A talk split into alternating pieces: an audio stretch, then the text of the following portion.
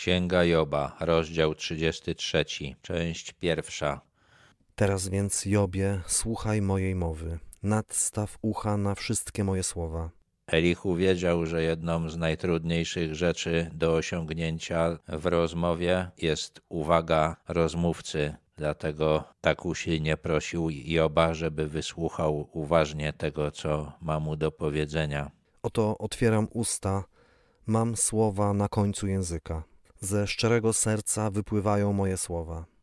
Mamy skłonność do oceniania poglądu, który nie odpowiada naszym pragnieniom i wyobrażeniom jako głupoty, i łatwo nam uznać, że ktoś, kto mówi coś, co jest nam niemiłe, naprawdę w to nie wierzy. Elichu zdawał sobie z tego sprawę i robił co mógł, żeby tak Job o nim nie myślał. Moje wargi wypowiadać będą słowa rozumne.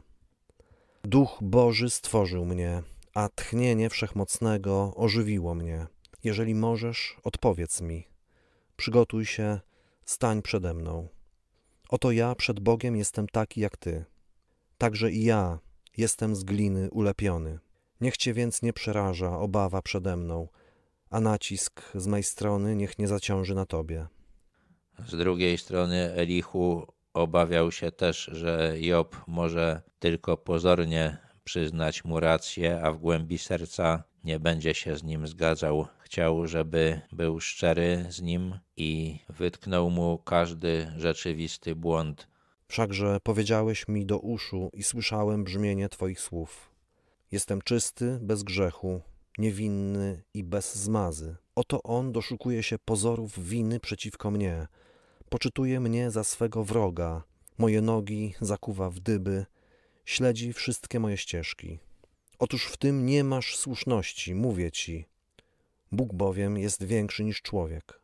Job odrzucał oskarżenia przyjaciół, że musiał popełnić jakiś wielki grzech, wielki w ludzkim rozumieniu, który ściągnął na niego taki Boży gniew. Mówił dużo o swojej prawości i zagalopował się. Elichu streścił te jego mowy w taki sposób, że Job stwierdza, że jest bez grzechu i w tym tkwi jego błąd. Według kryteriów stosowanych przez ludzi jest rzeczywiście człowiekiem niezwykle prawym, niezwykle uczciwym, ale i tak nie spełnia Bożych norm i powinien mieć tego świadomość.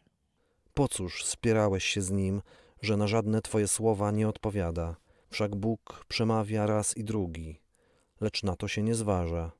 We śnie, w nocnym widzeniu, gdy głęboki sen pada na ludzi i oni śpią na swym łożu.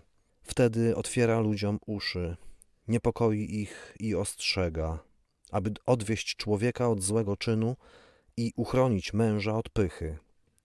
Nie wiemy, na czym polegała nieprawość Joba. Elichu też prawdopodobnie te, też tego nie wiedział, ale był pewien, że jakaś nieprawość w Jobie na pewno jest i że on wie, co Bóg ma przeciwko niemu. Powiedział też, że Bóg na różne sposoby stara się o to, aby ludzie unikali złego, że oddziaływuje tak na każdego, także na Joba, więc Job nie powinien się tak bardzo szczycić swoją prawością, jakby osiągnął ją bez Bożej pomocy. Zachowuje jego duszę od grobu, a jego życie od śmiertelnego pocisku. Smaga go też cierpieniem na łożu i dreszczem ustawicznym w jego kościach, tak, że jego życiu obrzydł chleb, a jego duszy nawet ulubiony pokarm. Jego ciało niszczeje nie do poznania, a jego kości wystają, choć dawniej były niewidoczne. I tak jego dusza zbliża się do grobu, a jego życie do aniołów śmierci. Czasami Bóg sprawia w życiu człowieka jakieś cierpienie właśnie po to, żeby uchronić go od grzechu. To może być albo konkretny czyn, albo pycha, czyli przekonanie, że jest się kimś więcej niż naprawdę się jest. Elichu uważał, że Bóg dopuszcza takie cierpienie, jeżeli nie widzi innego sposobu, aby człowieka uchronić przed grzechem. Tak też chyba rozumiał to, co się przytrafiło Jobowi. Bóg doprowadził go na skraj śmierci po to, żeby go uratować.